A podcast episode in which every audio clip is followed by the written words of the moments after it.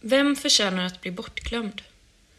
Frågan uppstår i mig när jag läser Sandra Holms samlad poesi utgiven på Aska förlag i översättning av Felicia Stenroth. Volymen innehåller tre diktsamlingar.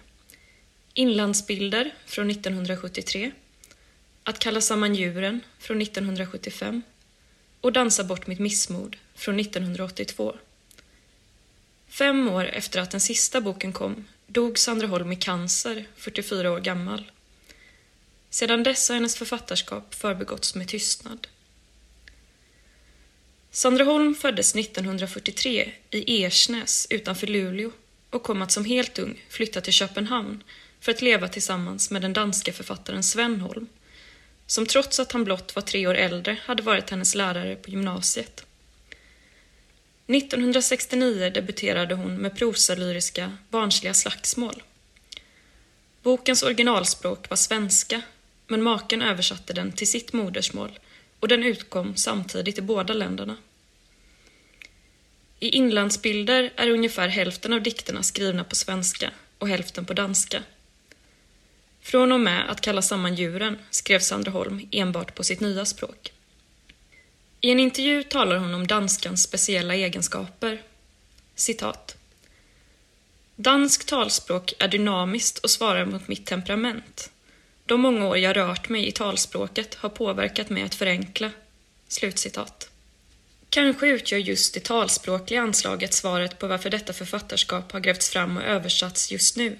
För Sandra Holms dikter hade lika gärna kunnat vara skrivna av en ung svensk poet idag. Tema är förälskelse, vardagsliv, skrivande och död. Miljöerna växlar mellan myllrande stad och ödslig landsbygd. Uttrycket är livligt och ofärdigt, liksom inåtvänt i sin direkthet. En dikt ur den första samlingen inleds. Citat. Fasten, det är så vackert här på min barndoms stora gård, där solen aldrig går ner, bara glöder och glammar, bara snurrar, kittlar och lyser. Fasten, kommer jag aldrig upp ur min säng. Det är förfärligt, i sin bästa ålder, bara sova. Slutcitat. Kontrasten mellan den ständigt strålande solen och det trötta passiva jaget är verkningsfull. Inte minst genom den glada ton i vilket det hela beskrivs. Men i de tre följande styckena vandrar dikten vidare i jakt på en tanke som aldrig dyker upp. Det ger intryck av ett grundlöst uppskruvat språk som tycks fånga en stämning vars ursprung är dikten själv. Jag hittar ingen väg in eller ut. På nästa sida följer en metapoetisk reflektion. Citat. Nej, suggestion hjälper inte längre. Eller rytm eller nostalgi eller att gå två varv runt kvarteret under stegrad rädsla och nå din dörr oskadd. Till efteråt är du inte säker på om du sett tillräckligt fastän du slog det fast. Genom upprepningar, upprepningar finns det poetisk panik. Slutcitat. Bilden av en människa som cirklar runt kvarteret bara för att strax stå vid sin egen dörr sammanfattar Sandra Holms poesi fint. Skenbart rör den sig mot något. Här finns också en terapeutisk komponent som jag inte finner helt lyckad. Varför är det självklart att dikten på något sätt ska hjälpa? Jag tänker mig att ett sant språk lika väl kan såra och sarga den som brukar det. I alla fall inledningsvis. Det är viktigt att påminna sig att Sandra Holm trots allt inte är samtida. En lämplig ingång i hennes författarskap blir då de två prosaböckerna. Utöver Barnsliga slagsmål kom 1978 Har jag varit här förut? Debuten tecknar en hyperbol flickvärld av mostrar, hudkräm, graviditeter och intriger. Det är utan tvekan Sandra Holms bästa bok, oreserverat egensinnig. I Har jag varit här förut talar en mognare, men också bittrare röst om svårigheterna för en skapande och, något mer oväntat, ständigt drickande kvinna. Boken är ett långt svar på den finske poeten Pentti Saarikoskis brev till min hustru från 1968.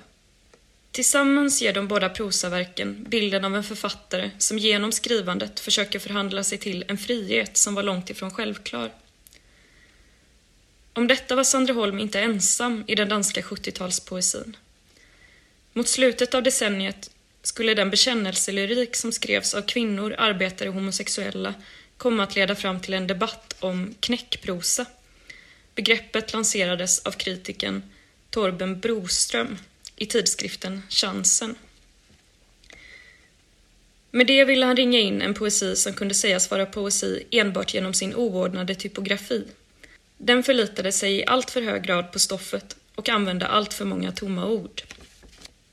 Men det är endast i undantagsfall som Sandra Holms livsvillkor framträder i dikterna som ideologi. Istället blir de till en grund mot vilken orden vilar. Likväl finns här en rest av manierad, självbespeglande intellektuell kvinna. Det gäller särskilt den andra samlingen, Att kalla samman djuren, där vissa av dikterna är så dåliga att jag skäms över att ha läst dem. Författaren söker sig i den stundtals mot en mer koncentrerad form, med poesi på bara tre, fyra eller fem rader. En dikt kombinerar på ett otäckt vis dansk hämningslöshet med norrländsk tradition. Citat. Nej tack, ingen mer gonorré. Jag vill skriva sonetter och göra rönnbärsgelé. Slutcitat. En annan frammanar den kitschiga bilden av spåren efter en röd mun på en bok. Citat. Mina lexikon ligger stängda och njuter plötsligt av smaken av mitt läppstift. Slutcitat.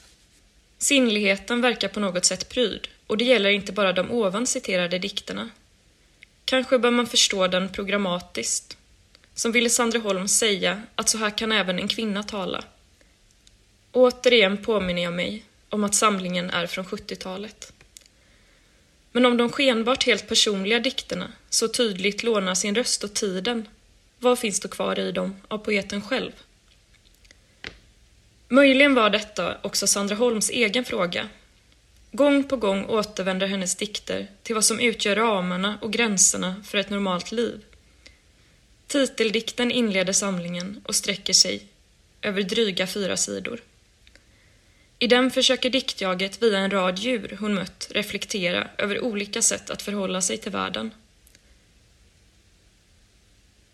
En annan av bokens mer omfångsrika dikter jämför den byrålåda där man förvarar alla omöjliga saker, plåster, batterier, virknålar, gamla foton, med den inre blicken. Lite upproriskt ställs en sådan låda i kontrast mot en helt symmetrisk, full av papper, som tillhör staten. Det är dessvärre dikter vars bilder inte är tillräckligt konsekvent genomdrivna för att bli meningsfulla och som står för stilla för att leva enbart av sin rörelse. I en novell berättar Jorge Luis Borges om en ung man som efter en ridolycka får en alltför god uppfattningsförmåga och ett alltför gott minne. Ingen detalj går honom längre förbi. Molnens formationer vid en viss tidpunkt, mönstret på ett spanskt bokband han bara sett en gång. Att i tanken rekonstruera en hel dag tar en hel dag i anspråk. Till novellens berättare säger den unge mannen att hans minne är som en soptipp. Jag tänker att det förhåller sig på liknande sätt med litteraturhistorien. Precis som allt som den unge mannen ser är saker som måste existera i världen men försvinna i minnet, kan den litterära bredd som hör den enskilda stunden till inte bevaras. Tiden är sträng och kräver en vidd av själva författaren. När Sandra Holm skrev sin sista diktsamling Dansa bort mitt missmod var hon redan sjuk i den cancer som skulle ta hennes liv. Det är alltid vanskligt att läsa poesi biografiskt. Ändå är det mot bakgrund av sjukdomen som jag förstår stämningen i samlingen, tydligt gestaltad i dess inledande dikt. Citat. Inte sjunga om det gamla, det är försvunnet. Inte sjunga om det nya, det är ovisst. Stå här i trängseln, klumpigt ta sig själv i handen. Det var inte meningen. Slutcitat. Här finner vi återigen en sluten cirkel. En människa håller sig själv i handen. Men bilden är rörande i sin enkla ensamhet. Till vem riktar sig slutradens försiktiga ursäkt? Eller om det möjligen är ett konstaterande. I Dansa bort mitt missmod är alla dikterna korta. De tycks vilja bryta med allt som är ordnat och självklart. I en av dem står att det inte längre finns en enda rak linje i världen. Såväl tiden som rummet är i upplösning och när boken är som bäst får den tillvaron att kännas vagt ostadig, som i dikten ovan. Men förväntningen på poesin verkar vara att den ska stabilisera den igen. Citat. Dikter är armband, juveler. Dikter är mat och kameler. Dikter är ömhet, oro och hopp. Om oro, ömhet och hopp. Slutcitat. Raderna har drag av lugnande vaggvisa, men genom sin uppenbara otillräcklighet motsäger de sig själva. Vid sjukdom och död och stor olycka förmår litteraturen ingenting.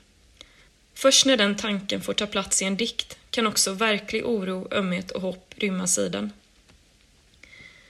Liksom med de tidigare samlingarna får jag känslan av att författaren skrivit boken för att omväxlande trösta och roa sig själv. Det blir en poesi för eget bruk som aldrig höjer sig ur de intima förhållanden från vilka läsaren är utestängd.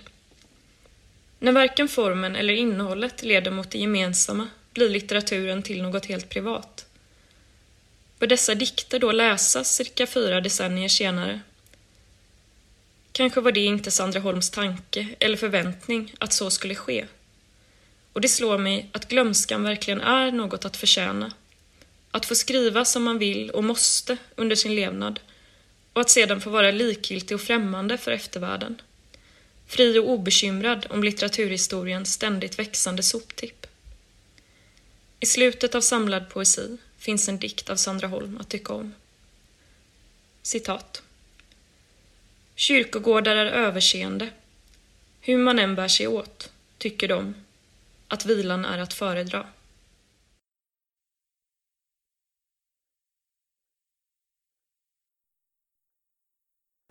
Den här recensionen är originalpublicerad på www.ornenochkrakan.se under ansvarigt utgivarskap.